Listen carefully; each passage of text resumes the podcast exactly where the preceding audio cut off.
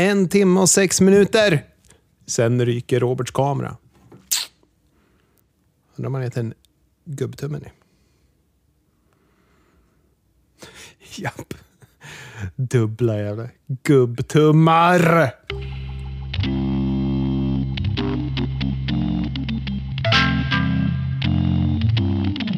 Podd utan Anders, så kan det bli ibland.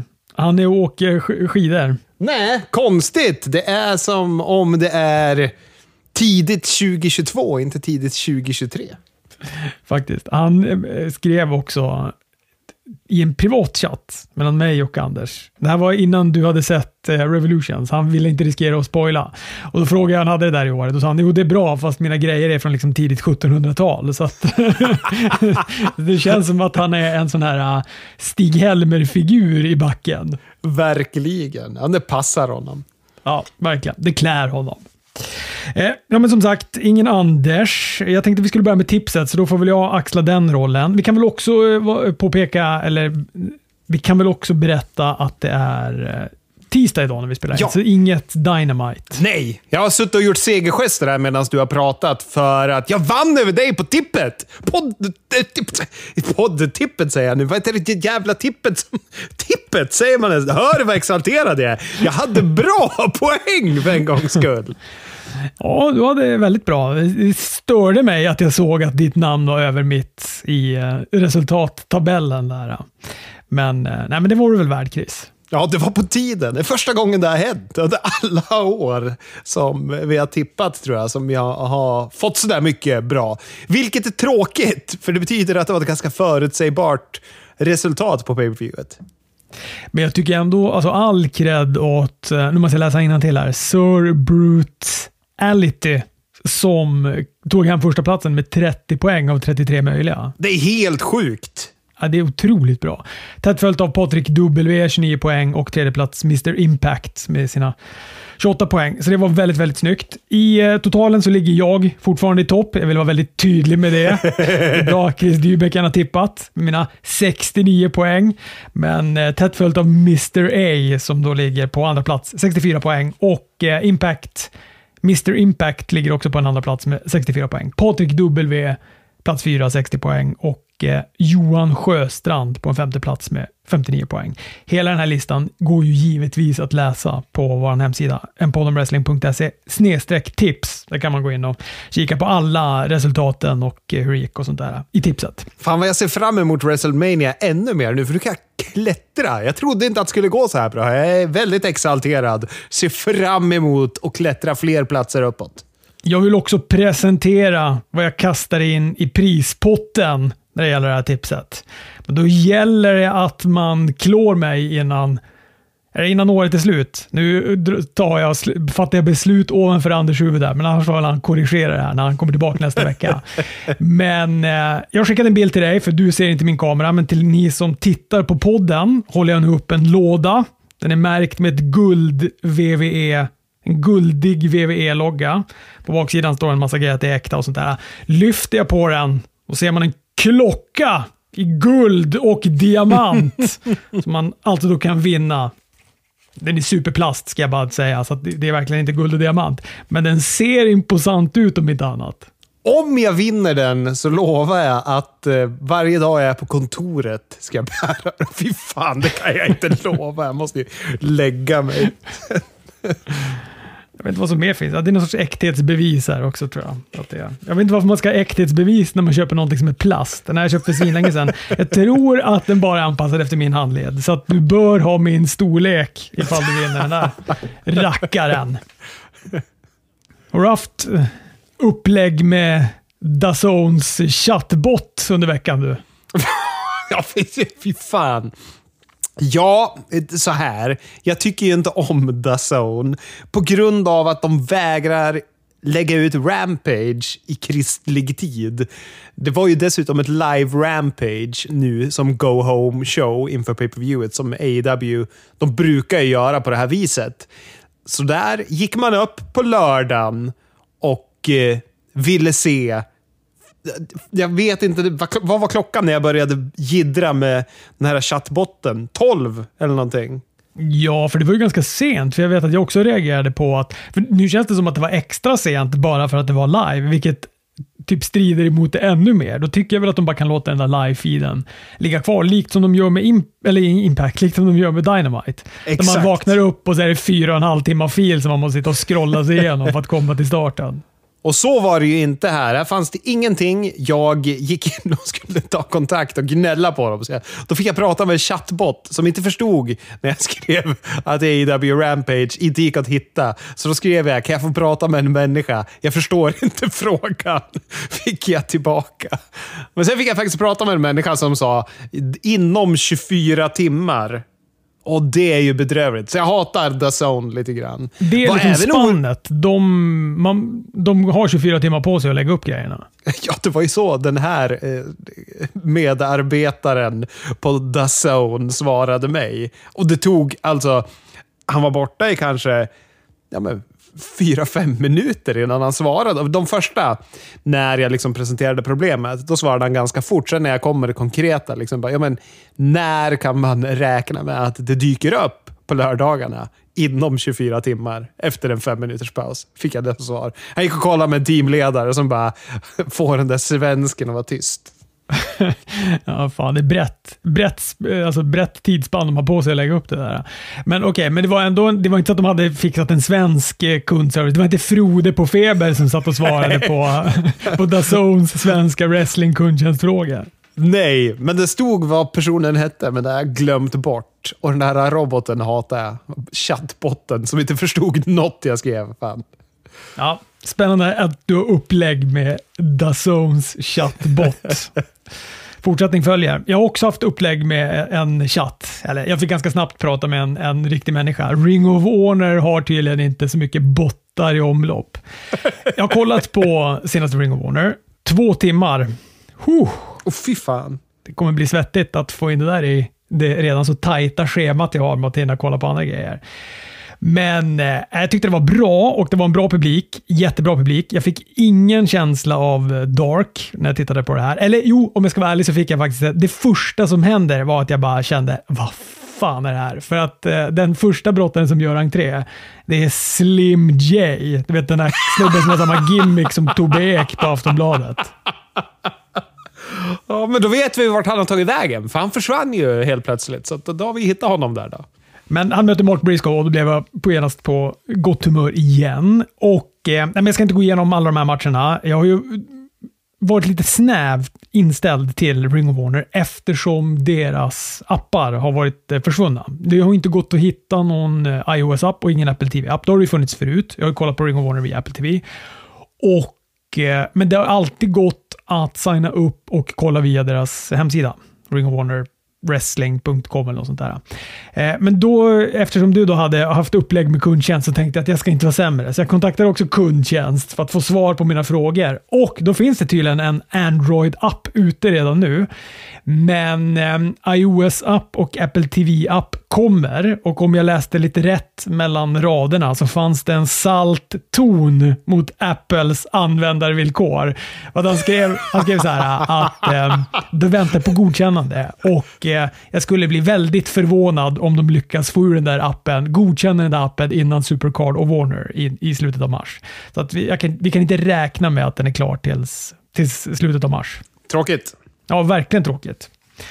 Jag gillar inte att sitta och titta på datorn när jag ska kolla på wrestling. Jag vill ha antingen i telefonen, litet format, men då kan jag streama det till Apple TV. Eller så vill jag kolla på Apple TV. Supercard of Honor, är det det som är i närheten av WrestleMania? Ja. Sista mars är det väl, va? Det är väl på fredagen och så sen är det väl första april är på lördagen, då är WrestleMania dag ett och sen andra april söndagen då, WrestleMania dag två. Just det, ja, men då kommer vi ju se det på min gigantiska TV via en dator, med andra ord. Ja, men vi har ju lite pay per view helg bakom oss. Revolution 2023 har gjort det bokslut. Har du några generella tankar? Tycker att Eh, Tony Khan måste lära sig att inte göra för långa pay per views men jag tycker att det var ett fantastiskt pay per view är väl min summering av det. var det så långt? Jag, jag trodde att det skulle vara längre. Jag tänkte så här, okej, okay, han kör sina 5-6 timmar och sen en Ironman-match på en timma plus på det. Men för att jag kollade på allt live utom eh, main eventet, utom Ironman-matchen. Då kände jag att nu är jag lite för trött, så nu stänger jag av. Jag tyckte att det var ett jävla tempo på de där matcherna, men det är det ju alltid när det gäller AW. De håller ju som inte på som WWE och kör en massa repriser och en massa... Det är, det är ju typ noll andrum emellan matcherna. Men det var, jag vet inte, själva filen var ju fem timmar lång som jag kollade på i alla fall. Men då, då fick jag ju panik av Dazone igen, för det började ju med en halvtimme boxning när det stod att det skulle börja. Så jag bara, åh nej, åh nej. Men det kom igång i alla fall, utan zero hours. Det har jag inte sett. Men eh, man skulle kunna skala bort det. Vi kommer, vi kommer, eller jag kan ta själva, jag tycker att de portionerade matcherna lite konstigt. Jag tycker att det var fantastiskt. Och sen så kom Wardlow mot Samoa Joe och sen så föll det samman. Och sen så hittade sig själv i main eventet igen. Men de hade ju två, två matcher där som de skulle portionerat ut för att bryta upp det lite. Ja, men jag är väl lite inne på samma spår som du. Jag tycker väl att de första matcherna var, alltså, det var ett pärlband av bra matcher. Öppningen tyckte jag var toppen, Jericho mot Starks. Eh, bra öppnare, helt rätt att sätta den först också. Intressant att Jericho är så fruktansvärt populär. Alltså han ska ju ändå vara the bad guy i den här ekvationen och eh, Starks ska vara the good guy. Men vad var det? 51-49 i favör till eh, Ricky Starks. Ja, men så var det ju. Men sen, och något som slår mig när jag sitter och tittar på den här matchen också, utöver att han lyckas hålla sig populär, fast han är liksom en, en gammal brottare i det här laget, så är han ju tio år äldre än vad Hogan var när han var NWO Hogan. Och så brottas han så jävla bra. Jag tycker att han överlevererade i den här matchen, Jericho, rent tekniskt i ringen. Och eh, ja, han fick ju Ricky Starks att se ut som en stjärna när Ricky Starks till slut fick vinna matchen. Liksom. Det är fan sjukt. Är han tio år äldre än vad Hulk Hogan var när han var i NWO? Jajamän! Det är helt sjukt. Men det är också att Hogan alltid har sett ut som att han är i pensionärsåldern. Att han är så här 60 plus. japp, japp, japp. Men även liksom Alltså, Jericho kan ju brottas bra fortfarande. Och han plockar ju fram grepp som han inte gör i alla matcher också. Jag tycker det är skönt att alla pay per view matcher som Jericho går nu är olika. Det är inte samma match vi bjuds av. Det är inte som om man hade varit i WWE. Då hade du fått samma match hela tiden. Men nu får han faktiskt göra annorlunda matcher. Jag tycker att det är toppen. Jättekul att se. Och Starks är nu då en av få som har vunnit över Chris Jericho två gånger. Mm. Sen fick vi också en fantastisk match mellan Jungle Boy och Christian. En Final Burial match som visade sig vara en casket match och en Buried Alive i ett. Japp, med jävla raketfart på den där äh, kistan i slutet. Men den här matchen var så långt över förväntan för min del, så jag satt och bara, fy fan, vilken match. Jag satt bara och gapade när jag tittade på den här. Tyckte att den var supertoppen. Jag tycker att Christian är är fan grym. Jag börjar förlåta Tony Khan för att han hade ett sånt pompöst announcement när det kom till Christian. För fy fan vad han har levererat i sina matcher sedan han kom till AW. Såg du? Anders hade varit inne och trollat på Twitter. det var något, något Twitterkonto som hade lagt upp en bild på Christian och skrev typ så här, idag är det ett år sedan typ den största signingen någonsin signades till AW. Varav Anders står som enda kommentar. Tony Khan, is this you? ja, det var fantastiskt. Ja, nej, men det var en jävla toppenmatch det här. Bra tempo, snygga grejer. Jag tycker också Christian gjorde det fantastiskt det här. Det, här är det ju också väldigt, alltså, i kontrast med första matchen, då, att det är väldigt effektfullt när det finns en tydlig heel som alla hatar och en tydlig superface som alla älskar. Och Jag tycker det är så bra att Christian lyckas ha rätt sorts hetta. Och att jag tycker han lyckas med det som MJF vill lyckas med. Bygga liksom ett narrativ genom sina promos och bygga upplägget. Jag tycker att det här är så mycket bättre byggt än vad de har lyckats med Brian Danielson och MJF storymässigt. Fan, Christian har ju en tydlighet i allt han gör. Jack Perry behöver ju bara klättra upp på hans rygg likt Yoda gör på Luke Skywalker och sen så bara springer de iväg i träsket till Dagobah och allt är frid och fröjd. Liksom. Ja, alltså jag håller med dig där med MJF. För att det är någonting med, han är ju bra, han är toppen på micken och allt det där. Men det är också någonting med när han sätter igång. Jag vet inte, såg du presskonferensen? Nej, jag såg inte det. Jag såg bara screenshoten som ni delade. Ja, men han kör ju sin grej. Du vet, kallar folk för råttansikte och alla är så fula och bla bla. Och jag tycker att den biten av hans heel promo-gig är den svaga. Oh ja.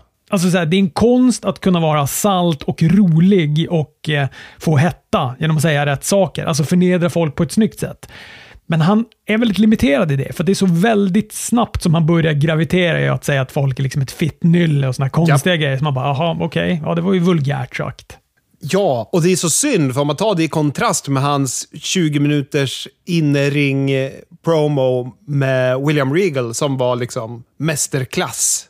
Det är så tråkigt att han liksom faller ner till de där låga nivåerna där han inte riktigt håller och har liksom ingen styrsel heller. Det var också otroligt roligt för att han likt sin punk satt och tröck i sig kalorier på presskonferensen. Satt MJF och var tröck i sig saltgurka. Eller du vet såhär picklad gurka.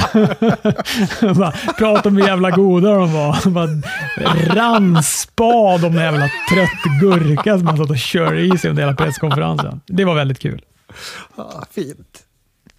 Men eh, Jungle Boy vann efter en concerto som jag tror man fortfarande kan höra ifall man spänner stigbygeln. För att jävlar vad den lät den där. Oh, ja. Och stängde kistlocket och kistan åkte rätt ner i helvetet med besked. Och sen en liten, liten rökpuff. Där borde de kanske ha investerat i lite mer rökmaskin. Men du, prata inte om det förra veckan. Jag måste ta det apropå rökpuffar.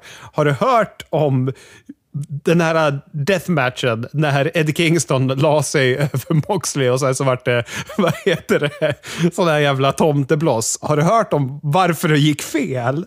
Nej, inte. Det berättade ju också Ken Omega i den här intervjun. Då hade de ju hållit på och repeterat och gjort och det var kung och det small jättehögt, allt rasade och grejer. Sen han som skulle sköta pyrotekniken, han hade inte varit med under veckan när de hade repeterat och byggt upp allt. Så när han kommer dit och bara Ja, men jag har en bättre idé. Jaha, men den här funkar. Ja, men jag har en bättre idé. Det kommer se bättre ut när vi kör det här live. Men du har inte sett vad vi ska göra. Nej, men det kommer att bli bättre. Och det där var hans bättre. alltså, vad fan. Ja, det måste ju vara död och begraven nu, den snubben. Ja, vad heter det? Han fick då frågan, Ken Omega, hur reagerade när du kom till go position? Var du arg på någon? Han bara, nej, vad skulle jag göra? Folk frågade mig om jag ville döda någon. Men nej, jag bara log. Gjort är gjort. Det är också fel killar att göra så fel med. Alltså Eddie ja. Kingston och Moxley. För det känns som att de skulle kunna vara livsfarliga om de är på, har vaknat på fel sida. Ja, oh, gud ja. Är det tredje matchen för övrigt, Moxley? Kom den direkt? Nej, vi hade eh, triosmatchen kanske. Ja, vi hade triosmatchen innan. Jag vill bara säga en sak som jag tyckte var väldigt, väldigt, väldigt bra med den här matchen. För när de började prata om att det var en Buried Alive och No Rules så tänkte jag ah, nu kommer Luchasaurus också komma. Men det gjorde han inte. Jag tyckte det var väldigt skönt att Christian och Jungle Boy fick bara lösa den här faden. Oh ja! Helt själva, utan inblandning av Luchasaurus.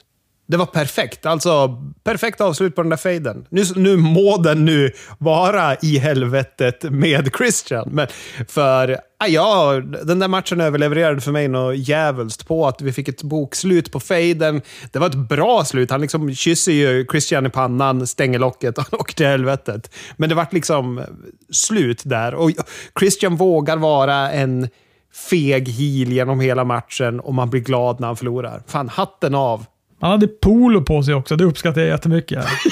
ja, polo med avklippta ärmar. Det är så jävla märkligt. Toppen. Toppen. Eh, jag har en teori här kring vad som komma skall för Christian, men vi ska ta den sen när vi kommer till Raw, för det finns en eh, brygga däremellan. Kul! Vi fick se House of Black bli nya triosmästare och Ehm, ja, det var väl en röjig historia här. Man hade väl inte förväntat sig någonting annat än att det skulle vara en bra jävla match. Alla levererade, publiken var på tårna under hela matchen. Jag tyckte Julia Hart levererade också. Det där knät hon tog av Kenny Omega, det såg ut som att huvudet skulle lossna från kroppen när han bara drog på det där knät och hon bara tvärdog också. Föll rakt bak, pladask, rätt ner på backen. Och fan, Brody King får gärna vara sminkad sådär i varje match. Han såg fan läskig ut på riktigt. Vilken jävla visuell look han hade med corpse paint i skägget. Det tyckte jag var toppen. Det ska bli spännande att se nu vad de gör av det här, för de, de behöver ju göra någonting av uh, House of Black nu. Och framförallt behöver de göra någonting av Bucks och Omega. Gärna något stort. Mm, mm. Sen fick vi Hater, Soraya och Ruby Soho om titeln. Jag tyckte den också var bra. Den var väl kanske lite mindre jämn än de andra matcherna, men jag tyckte att det var en helt klart jag tyckte att det var helt klart en bra match. Och det enda som gjorde mig besviken var väl eh, efterspelet. Ja, och jag måste säga den här överlevererade också. Så att jag satt ju med vad heter, fan, hakan på golvet. Jag hade ju sagt att den här skulle vara bedrövlig och sämst, men det här är nog det bästa jag sett Ruby Soho och Soraya i AEW. Då kanske jag har Jamie Hater att tacka, vad vet jag. Men jag är superglad över matchen och jag håller med dig. Slutet känns... Jag vet inte. Det känns inte. Det är väl det som är problemet. Det resonerar inte alls med mig. Men jag såg det förra veckan, att de är i desperat av behov de är i desperat behov av Sasha Banks för att det här ska kunna gå ut på något sätt i dur. För jag menar, att Ruby Soho blev Hulk Hogan och, eh, och joinade team, eh, team VVE, eller vad man nu ska kalla dem, Team Outsiders. Jag menar, för det första så var det ganska förutsägbart och en rejäl devalvering. Hon är ju poppis och så vidare, absolut. Men hon har ju inte den statusen som den vändningen kräver. Nej. Däremot så tycker jag det hon gjorde i själva i ringen under turnen tyckte jag var snyggt och bra. Jag tycker utförandet av henne, hur hon eh, agerar, var bra. Men jag tycker att det är bedrövligt i vilket fall. Det spelar ingen roll då, när man inte har byggt en bra story. Det är också så här, för jag menar, hon var ju inte ens team eh, originals innan. Och hon, var ju liksom, hon var ju team Solokvist. Så att hon, eh, det gjorde, vilket gjorde att det, det, hon valde liksom inte sida. Eller hon svek inte någon sida, utan hon bara valde en sida. Nej, jag tyckte det tappade. Det var inte så effektfullt det där. Nej, men matchen var bra. Det får vi ge dem. Chris Statlander var väl på väg tillbaka. Eller hon, hon var på någon fanaccess. Jag får mig att Anders skickade någon sån blänkare till oss. Ja, jag tror det. Jag såg henne stå upp och ner i en dörröppning och sätta upp håret. Alltså hon hängde i dörröppningen genom att trycka fast sig med benen och ryggen i dörröppningen och hängde upp och ner och knöt en hårknut på håret. Så det låter ju som att hon är ganska i form då ändå. Ja, det låter spektakulärt. Ja, men det är väl kul om hon kommer tillbaka och är då Team Originals. Hon kan ju gärna få vinna över Jade Cargill annars, kan jag tycka. Ja, för de är ju redan tre i Originals, eller? Nej. Ja, de, nej, de har fimpat Rebel. Rebel är för heel för att få vara med där. just, just det, hon har bara, hon har bara försvunnit. Japp. ja. ja, men sen hade vi då Mox och Hangman i den här deathmatchen. Jag var ju mest besvärad under den här matchen. Ja, den var alldeles för, det var alldeles för mycket för mig. Alltså, absolut, det kan vara effektfullt med blod och tegelsten. Men nej, det här var för vulgärt för min smak. Jag, eh, jag gillade inte den här matchen. Jag tyckte den var bra, ska jag säga. Men när han började hugga honom med en gaffel i pannan så att det bokstavligen sprutar blod över Moxley. Då bara satt jag och ville liksom titta bort och kisa och, och så här. Då blev det till och med för mycket för den här norrlänningen.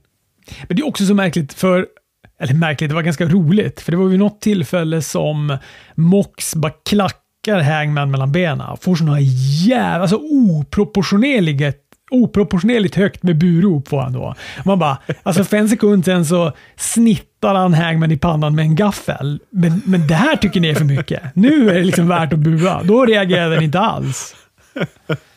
Ja, men det hade de gjort om det var en Bruce Lee-film också. Om de först slåss med vapen, men sen så klackar skurken Bruce Lee mellan benen. Då hade man tyckt att han var en riktig jävla ärkeröv. Så att jag förstår, förstår publiken. Ja, och det var väl en bra match, absolut. Men det var väl bara att jag kände att eh, det, det här var lite för magstarkt för mig. Det var lite för mycket för mig. Ge vatten på kvarn för WWE när de ska kalla AEW för en blood and guts promotion i alla fall. Och så Wardlow som knep TNT-titeln igen. Han fick Samoa Joe att somna in i en Kokina Clutch, Samoa Joes egna grepp. Det såg vi ju sen också.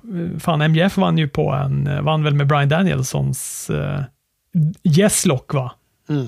Men den här matchen var minst rolig på hela pay-per-viewet för min del. Ja, både jag och publiken var ganska trötta här. Ja, jag förstår att du var det. Men alltså, det är någonting med Wardlow som gör att det connectar inte. Jag vet inte vad det är. Det är så konstigt.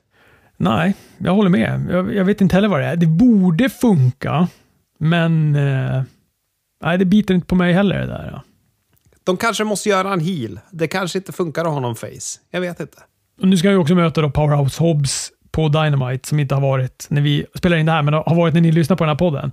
Och jag är lite lur på att han ska förlora titeln till Hobbs. Men det känns konstigt om han ska förlora den nu när han precis har tagit den. Japp, men jag har också den känslan och jag vill det. Powerhouse Hobbs har ju en annan karisma i ringen. Jag har, tycker det finns mer upside med Powerhouse Hobbs än med Wardlow. Men kan det då vara startskottet till en heel-vändning? I och med att han förlorar, förlorar den titelmatchen. Det vore ju toppen om det var så. Någonting behöver de göra, för det connectar verkligen inte. Men han har ju liksom... Han har ju det. Han, han kan göra en okej okay promo. Men sen så han, han är ju eh, grön där, så han tappar det ju efter ett litet tag. Men han kan göra en okej okay promo. Han har ju så att han kan brottas, men han är väl inte så här superbäst på psykologi. Och han har ju definitivt looken. Men ändå så connectar inte om matchen är över fem minuter om det inte är CM Punk han möter. Ja, men precis. Har han inte satt igång med sin powerbomb-symfoni inom fem minuter, då har alla zonat ut. Japp. Ja, ja, vi får väl se vad det blir av det. Tag team-matchen tyckte jag också var rätt buskis alltså. Ja, och gud ja. ja jag, jag hade hellre sett Guns mot Acclaimed i en, alltså bara en ren tag team-match om titlarna. Mycket, mycket hellre hade jag sett det än att se den här matchen. Samtidigt så måste jag säga att jag tycker att det var Jay Lethal och Jeff Jarrett som var räddningen i matchen. Det var de som höll ihop det. De och massa... Och det är så konstigt med vet, Orange Cassidy och eh, Danhausen. De stökade ju bara till att de var där som komedikaraktärer. Det blev jätteunderligt med dem i den här matchen. Det är som att det bara var komedi-tag teams med ett över comedy tag team med dem. Alltså att de är för mycket komedi. Ja, jag vet inte. Fick tilt i hjärnan här. Jag blir också så störd när jag sitter och tittar på det här och så är det tonvis med interference. Och eh, Excalibur är ju då supersnabb på att ropa ah, det är inga, inga regler gäller, no disqualifications i en sån här typ av match. Men ändå så går de ut och ställer sig en och en utanför ringen, håller i taggreppet när Aubrey liksom på och skäller på dem. Fan, skit i det. Ni kan ju ändå inte förlora. Ni blir ju inte diskade. Nej, Nej det är jättekonstigt. Stör mig med. Ja. Dumt. Dumt är det. Gans vann i alla fall och efteråt så stod de och var stöddiga och sa att inget tag team har en Janne på dem. Då kom FTR tillbaka. Och det var fan mig stift när Austin Gunn och Dax Harwood pucklar på varandra. Först när de gjorde det så tänkte jag, fy fan, det där ser stift ut. Och sen så när Dax ställer sig i ringen, då blöder han mycket riktigt från ögat också. Men det där kommer väl gå undan, så de där tag team-titlarna nu tillbaka på FTR. Ja, det måste de. Och då kan vi väl få ett upplägg mellan dem och Bucks, va? Ja, ja precis. För den matchen vill man ju verkligen ha. Och nu känns det också mycket mer rimligt att Acclaimed förlorade eh, titlarna till eh, Guns. För att vi får väl anta ändå att, att det här har varit på bordet en längre tid. Det här är liksom ingenting som blev i samband med att Tony Khan ringde och frågade hur läget var strax innan Revolution Paper Utan eh, de vill väl... Nej, det är, bara, det är bara med Stokely Hathaway han gör så inför pay-per-views. Vadå? Men vi sa han, han ringde Stokely dagen innan pay-per-viewet som Stokely Hathaway debuterade på. Ja, just det. Det berättar du ja. Just det. Och var så här bara, kan du komma? Och Stokely var lite så här, ah, ska jag verkligen det? Jo, kom. Vi Ja. gillar dig svinmycket. Ja, ja, okej, jag kommer. ja, ja, men um, Ironman-matchen var fenomenal. Fan, alltså det, det kändes ju verkligen inte som en timme. Eller en timme och, vad var den? En timme och sju minuter eller sådär som den landade i. Vet du, jag skulle gjort som du. Jag skulle tagit en paus. Den var lång när man hade kollat allt annat innan. Tycker jag. Jag är fan inte förtjust i Ironman-matcher som avslut på pay-per-views. Har man suttit i tre jävla timmar, då vill man inte sitta när man vet att en match kommer gå en timme. Oavsett hur bra den än är. Förlåt mig, men så är det fan. Nej, men, och vi kan ju också stänga av och fortsätta se den dagen efter lite senare. Man är ju mer orolig för publiken som sitter där och du vet det är så här, Ja. Okej, nu är en halvtimme har gått. Det är ändå en halvtimme kvar. Absolut, det är bra, men jag börjar bli lite trött. Kanske ska gå på toa och så här. Men den här publiken var ju, det var ju som om det var en 20 minuters match. De var ju på Ja, gud ja. hela tiden var de på tårna, den här publiken. De gjorde det så jävla bra. Hur bra form är de här två jävla männen i? Det är helt sjukt hur fräsch de var efter 50 minuter.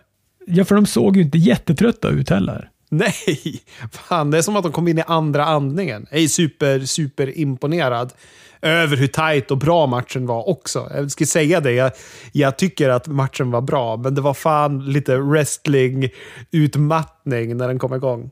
Jag tyckte också det var så himla snyggt hur de bullade upp för sudden death. Alltså att, för först, jag trodde när de, eh, när de slog av matchen och sa att det blev en draw och därför är MJF vinnare. Och buropen och bullshit-ropen när de satte igång. tänkte jag wow, ja, nu tog alltså han sig vatten över huvudet, Tony Khan. Men sen kom ju då Tony Schivani via Tony Khan och sa att matchen skulle fortsätta under sudden death rules. Vilket är jävligt kallt för att då har de ju ändå räknat med att den här publiken kommer att bli jävligt besvikna. Jag menar, de hade ju kunnat bara ah fan toppen match och det är klart att MJF, han är vinnare även fast det blev en draw. Och då hade ju den där sudden death-upplägget inte blivit lika effektfullt. Nej, men det var extrema burop när det vart draw. Extrema. Vad landade den i? 4-3 va? Ja, jag tror det. Och jag tyckte det var så snyggt när han gjorde 2-2. Två, för det stod ju 2-0 till Brian Danielson ganska länge. Och sen gjorde han ju två snabba pinfalls när Brian låg död. Varför gör de inte det hela tiden? För det brukar ju alltid vara att de tar ett pinfall och sen så bryter de upp och så ska den andra liksom få pigna till och sen så fortsätter de matchen. Han, han bara matar pinfalls, MJF. Nej, det var snyggt. Och eh, sudden death-delen tyckte jag också var toppen. 6-7 minuter och eh, bland det bästa jag sett. Jag tyckte det var så fruktansvärt bra. Snyggt ihopklistrat, också med hela dramaturgin i bagaget med matchen, hur den har varit. Och så MJF då vinner då med ett eh, yes-lock, Brian Danielsons egna, egna grepp. Efter att han har nitat han med en syrgastub i och för sig. Men han körde sin eh, yes-gimmick här, Brian Danielson. Det är första gången han gör den i AW. Ja, jag tror det. Jag tror att han inte alls har gjort den tidigare. apropå den här presskonferensen, de frågade ju också Tony Khan, när MJF satt bredvid honom, om den här ungen. Såg du när ungen fick sig en drink i ansiktet av MJF?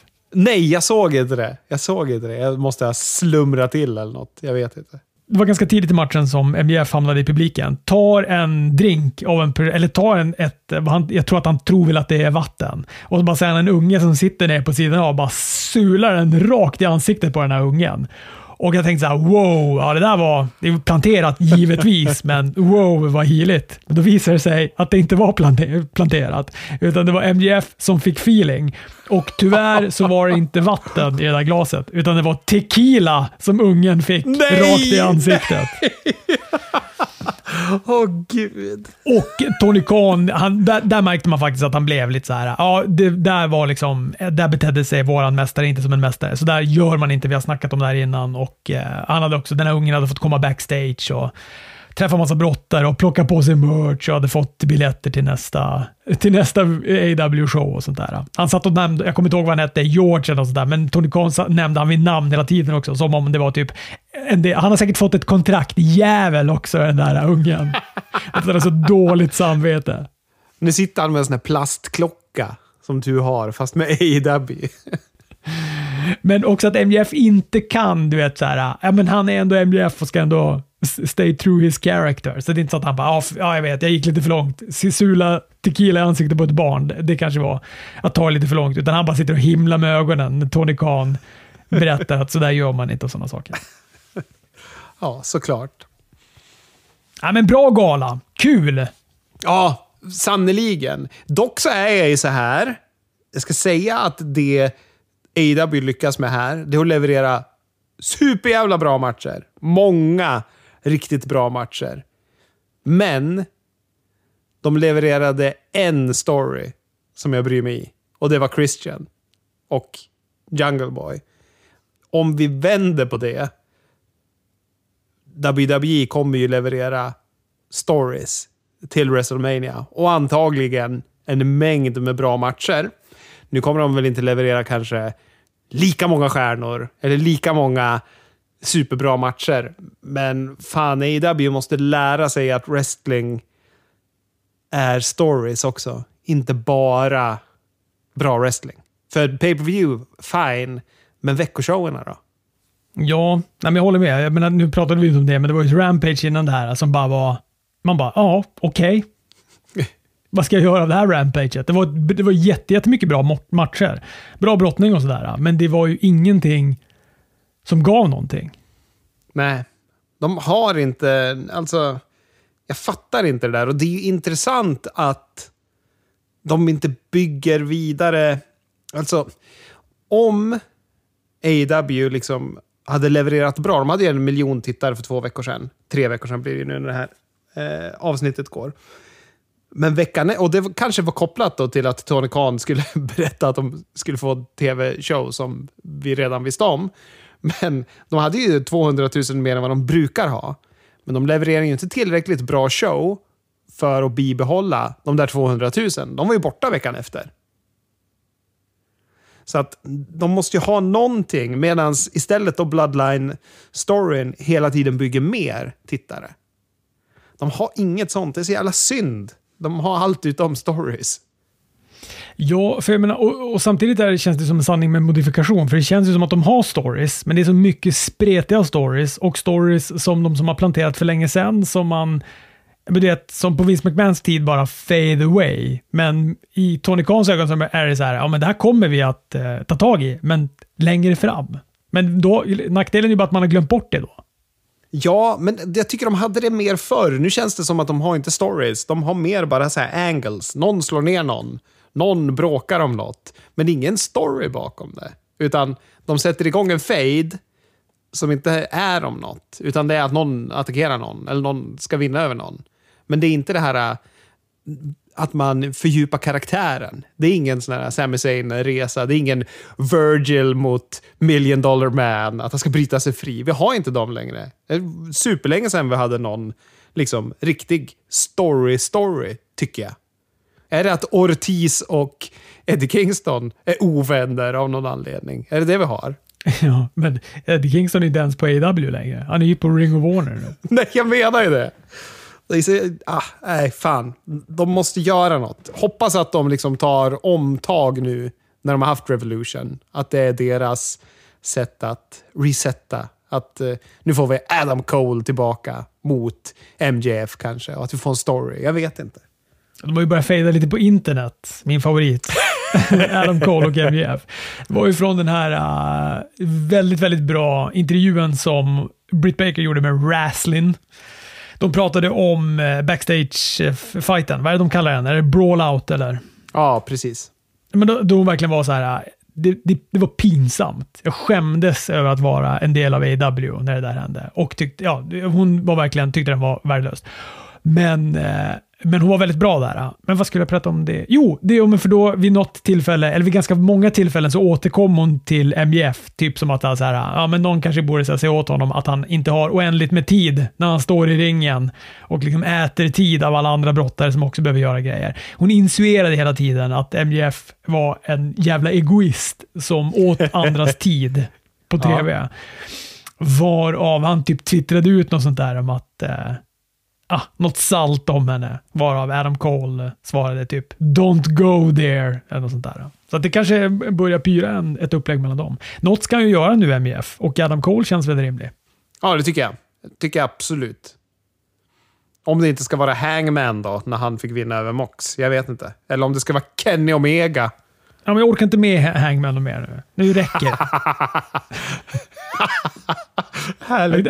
Han kan ta den där semestern som Mox så gärna vill ha och som han aldrig har fått. De kan åka och fiska tillsammans nu, när de är klara med sin fade. Nej men fan alltså en hangman mot MJF. Eh, Det, känns, jag jag känner mig, det kittlar mig inte alls. Ingenstans.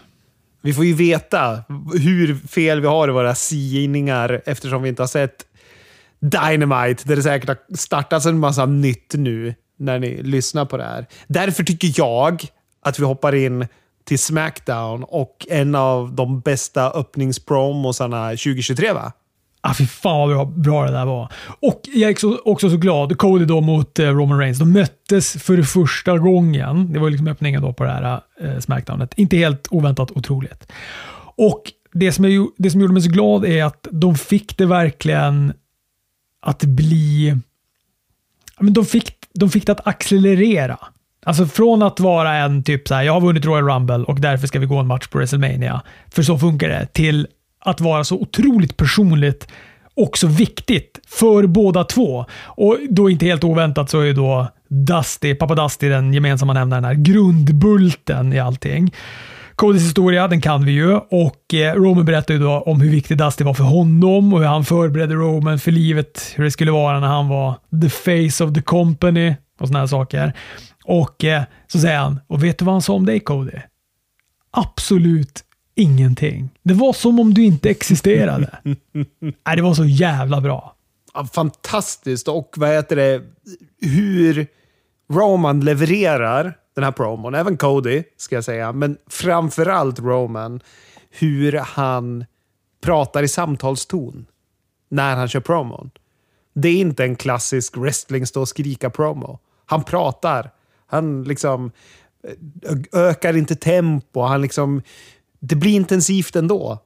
Av vad han säger och hur han säger det. Och sen så när Cody får ordet och han börjar brusa upp och börjar öka till att stå och skrika och grejer så är det så jävla fantastiskt. Super, super bra var det. För att gå tillbaka till AWs presskonferens.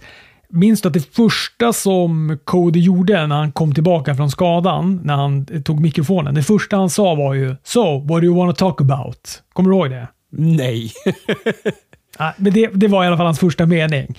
Och för jag tyckte den var väldigt snygg. Och eh, Ricky Starks sa exakt samma sak när han satte sig ner på presskonferensen. Då satt han sig och sa “So, what do you wanna talk about?” Och då bara tittade så här, Tony Khan på honom, varav eh, Ricky Starks eh, tittade på honom och så blinkade han med ögat och så ah, äh, glog de lite grann. Men det var som att Tony Khan inte uppskattade att han eh, refererade till Cody på en AW-presskonferens. ah, fint. Fint. Det enda som jag kan känna med det här är väl att jag tycker att det var ganska. Eller det är väl klart att man tycker att det är trist att Cody skadade sig. Men han har ju liksom inte fått kämpa och jaga titeln någonting. Och att du vet så här, äh, han får inga fler chanser. WrestleMania är hans absolut sista chans att vinna den här titeln. Och så vinner han titeln. Nu blir det ju liksom så här, äh, ja, de bullar upp. Han vann Royal Rumble, de bullar upp, han går matchen, han vinner titeln. Och så var sagan slut. Ja, jo, det har du rätt i. Han skulle må gott av att jaga den där ett år innan matchen kommer. Så vad är det du säger? Kommer han inte vinna på WrestleMania? Jo, för jag tror att Roman vill ta en paus. Men jag hoppas ju, jag hoppas återigen att Roman behåller den. Alltså, det gör jag. För, fy fan. Det skulle ändå vara snyggt om han gör det. Ja, det är klart att man vill ha the WrestleMania moment och att Cody står där och poserar med titeln och konfetti från himlen. Du vet, de har arrangerat plan som kommer och dumpar jävla konfetti över honom. Men samtidigt så vore det en sån jävla twist ifall Roman gick och behöll titeln. Bara vinner. Ja. Ja. Och att han då får jaga en. Och som du säger, då kanske, han behöver kanske inte hålla på till WrestleMania nästa år, men till SummerSlam. Det är ju också någonting, jag tror att det är i maj eller någonting, som det passerar tusen dagar Ja, för Roman som det. champ. Och det känns ju som att de kanske skulle vilja hålla på det tills dess. Det skulle de mycket väl kunna vilja. Ja, det här är inte omöjligt. Hörni, det här kan, vad heter det, kan eh, man tänka på till tipset. Fan. Jag tyckte också det var toppen när Rhea Ripley kör över Liv Morgan i en kanonmatch. De fortsätter ju bygga henne otroligt bra. Rhea Ripley alltså. Och så fick vi sin absoluta favoritbild. Barn som gråter när Liv Morgan har förlorat. Inte barn med tequila i ansiktet. Det är också deras favoritbild nu när de sätter Tony Khan i trubbel. Men de eh, släppte också. De, de likt Tony Khan kompenserade ungen. Inte för att uh, ungen här hade fått tequila i ansiktet, utan för att de hade krossat hennes hjärta. De släppte ju någon backstage-film där hon får träffa Liv Morgan efteråt och är svinglad och kramar henne och grejer. Men vad tyckte du om att Rhea Ripley fick köra över Santos Escobar då? Ja, men fy fan. Alltså den här... Uh, han gick i match då mot Dominic Mysterio och det var väl absolut en solid match. Men att Okej, okay, och absolut, Dominic kan få vinna den matchen. Men det är fan oroväckande. Ingen Selina Vega, inget eh, Legado del Fantasma. Alltså, det, hans jävla gimmick är en svintråkig face nu bara. Han har ju blivit Umberto Carrillo. Det är ett tecken på att Vince är backstage. Nej, men alltså, de vet ju inte vad han är. De har ju gett honom jobber-gimmick nu. Han kommer ju bara vara en enhancement talent. Men vad var det för fel på Legado del Fantasma? De var ju toppen. Ja, så jävla toppen tycker jag. Så att, jag vet inte vad de tänker. Men han fick inte riktigt svung med dem på main roster. Nej, men de fick ju ingen chans. De körde ju inga så här äh, när de fick sitta och vara coola och, och dricka tequila och sitta och snacka och vara badass. De fick bara komma in och gå lite matcher. Ja, ja, än är ju inte hoppet ute. Vi ser ju vändningen som Maximum Male Mödels har gjort. Det är fan bland det bästa jag vet just nu. Alltså deras grej på Raw var toppen. Jag kommer avsluta på, det är den här poddens main event. Det är när jag får prata om Maximum Male Mödels. Eh, vad fick vi mer då? Jo, men vi fick ju att eh, nästa vecka, eller hur det nu blir när ni lyssnar på det här, det har det väl varit, så ska man ta fram motståndare till Gunther och hans interkontinentaltitel på WrestleMania. En Fatal Five-Way, Drew McIntyre, Sheamus, LA Knight, Kofi Kingston och Karrion Cross. Jävla brokig skara alltså. väldigt, väldigt brokig skara. LA Knight och hans jävla kläder. Men vem vinner den här då? Ja, men är det inte Drew då? å andra sidan är också Seamus med i ekvationen. Ja, men det, det, det är så här namn som gör att det får mig att tänka, jaha, kommer det bli någonting så att alla ska möta Gunther? Ja, precis. Exakt. Det kommer inte bli någon vinnare och så kommer Adam Pearce komma in där svettig och stressig och bara alla, alla får matchen och så ska alla få sina WrestleMania bonusar ja, det är lite så jag tänker. Men apropå Adam Pearce, vi måste bara nämna att det är skönt att få se Pat Buck tillbaka i tv med excentriska kostymer. Han är med varje vecka nu på Dynamite, det uppskattar jag. Ja, ja det är härligt. Det håller jag med om. Eh, vad hade vi mer då? Ja, men main eventet var ju Solo mot eh, Sammy. Och eh, Solo vann. Vilket jag tycker ändå är ganska rimligt att han gör. Jag gillar hur de bygger Solo Sikoa. Alltså fan, Jimmy Uso får förlora, men Solo Sikoa, nej, nej, nej, nej. Han får inte förlora. Jag gillar det. De, de jobbar hårt med att få upp honom. Han vinner ju då efter, i, i och för sig efter att Jey Uso har blottat sig uppe på bland publiken. Visst kom han den här gången? Eller blandade jag ihop det med förra veckan? Pass. Det är så rörigt. Jag har ju sett både Raw och Smackdown i turbotempo inför den här tisdagsinspelningen, så det är en enda soppa för mig. Ja, jag blev osäker på om han kommer eller inte, men jag minns i alla fall att Roman Reigns sa att eh, han, har, han har en vecka på sig, Jey Uso, och fatta ett beslut. Eller att, inte, inte att fatta ett beslut, utan att återförena sig med Bloodline. Annars kommer han hålla Jimmy Uso som ansvarig. Ja, det är så bra Roman. Och eh, nu blev det ju tydligare också på Raw, för där fick vi ju då se Jay Uso vända på Sami Zayn. Jag tyckte i main eventet då, eh, Sami Zayn mötte Jimmy Uso och eh, eh, den matchen vann då Sami Zayn. Men jag tyckte det var så jävla snyggt när Jay Uso vände på Sami. För först så allierar han ju sig med Sami och publiken går ju bananas.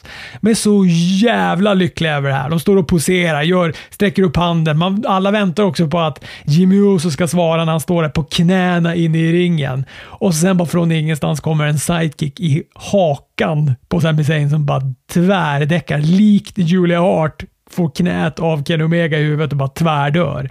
Så tvärdör också Sami Zayn och publiken är ju bedrövade vid det här läget. Men det är ju fantastiskt vilka känslor det spelas med. Det är så jävla bra. Fy fan.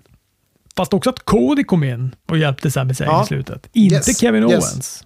Nej. De hade ju haft lite snack under showen, Sammy och Kevin. Och Kevin är ju inte med på tåget än. Annars så tyckte jag att det var ett ganska så sömnigt Raw det här. Det var ganska många självklarheter. De spikade väldigt mycket matcher till WrestleMania. Det är väl i och för sig bra, det ska vi inte gnälla över att de gör. Men fan, Edge, vad håller han på med? Alltså han och han kommer in under Balor mot Gargano och börjar då ställa till det för Judgment Day. Alltså menar han och Beth Phoenix vann ju. Varför har inte han gått vidare? Är han besatt av Finn Balor eller?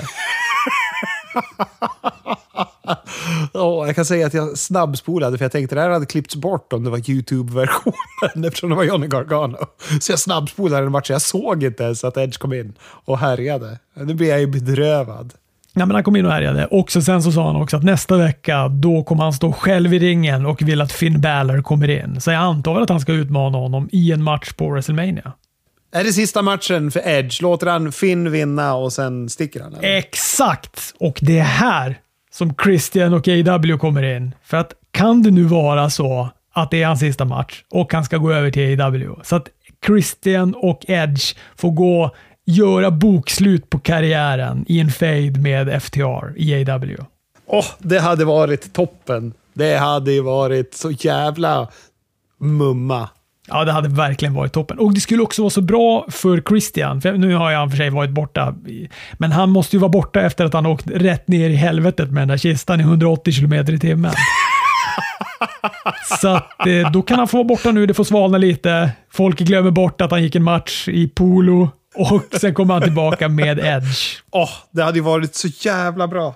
Och de startar ett program med FTR. Ja, det hade varit toppen. Toppen. Och med tanke på hur tight Edge är med FTR och det Dax Harwood sa för någon månad sedan. Det låter inte helt otroligt. Fan, nu blir jag taggad.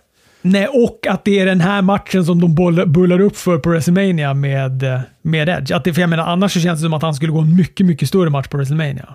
Ja. Ah, fan vad kung. Nu är det så. nu hoppas jag på det här. Verkligen. Vi får luta oss mot det. Vi fick också se John Cena som efter lite om och men och med publikens hjälp då tackade jag till att gå en match mot Austin Theory på WrestleMania om US-titeln. Det kommer väl bli en Sina-match. Han kommer jobba Theory va? Ja, kommer väl det. Men... Kommer han det? Men det känns så jävla ocharmigt om han kommer tillbaka och steker typ en av dem som är ändå så här uh, young up and coming. Jo, nej men det är väl klart han kommer göra det. Han kan ju inte ta titeln. Så. Jag tror, han kommer, jag tror verkligen han kommer jobba. Och det är precis, det blir konstigt om han ska springa runt med US-titeln. Ja. Vi säger så i alla fall. Likt vi hoppas på att Edge dyker upp i AW. Hoppas vi att John Cena jobbar Austin Theory. Och så fick vi också då klart det vi har spekulerat om och som Anders var duktig och sniffade med sin näsa för ganska länge sedan. Att vi kommer få en match mellan Lita Trish och Becky mot Io Dakota och Bailey. Bra sniffat, ointressant match. Ja, och sen det Meltzer håller på att surra om att nej, men de tag team match, alltså tag team titlarna kommer vara på spel och det kommer vara Shayna Baszler och Ronda Rousey mot Lita och Becky Lynch. Så de ska gå bägge dagarna? Kanske att de blandar sig in dag ett då, och så blir det sån Tony Khan-bokning och så är det redan dag två är den matchen. Eh, sen fick vi också då Logan Paul mot Seth Rollins på WrestleMania. Jag tror väl det va? Visst blev det väl klart här? Då? Ja, Miss hävdade att han kunde fixa det innan han vart knockad. Just det, här, va? Jag är, jag är sån tråkig host av så att jag kan styra upp matcher. Men Logan Paul, han är bra. Han är toppen Så jävla bra. och han är perfekt som heel. Han ska inte vara någonting annat än heel. Nej. Och det var också så förlösande för publiken, för det känns som att de har varit lite så här, ah, nej men du vet, de har också sett hans match mot Roman Reigns i Saudiarabien och bara golvat sig för hur jävla bra han är. Ja. Och, och så här, så kommer han in och så är de lite så här, ja men de buar, men de, några jublar ändå för att de, ja men han är ändå bra. Men sen då, det, att det första han gör när han öppnar käften, det är att förolämpa Boston eller vart nu de är. Och då är det så förlösande för dem att de bara får lägga av ett sånt jävla burop åt honom. Oh ja. Okej, main eventet då. Maximum Male models. Jag tyckte det var så jävla roligt. De stod då i vanlig ordning och beundrade Otis när Baron Corbin kommer in. Tror att de beundrar honom, det första som händer. Men sen då när Corbin blir varse om eh, vem det är de kollade på, så frågar han vad har Otis som inte jag har? Dum fråga! Maxim bara, ja ett, karisma, två, det, tre, hår. Ja, man fortsätter att bygga upp Baron Corbin på ett väldigt bra sätt. Ja, för fan. Jag tyckte det var toppen. Toppen var det. Ja. Ja, ja, men det är ändå mycket att se fram emot. Framförallt att Edge ska dyka upp med Christian utan polotröja i AW. Hörni, detta om detta. Vi hörs.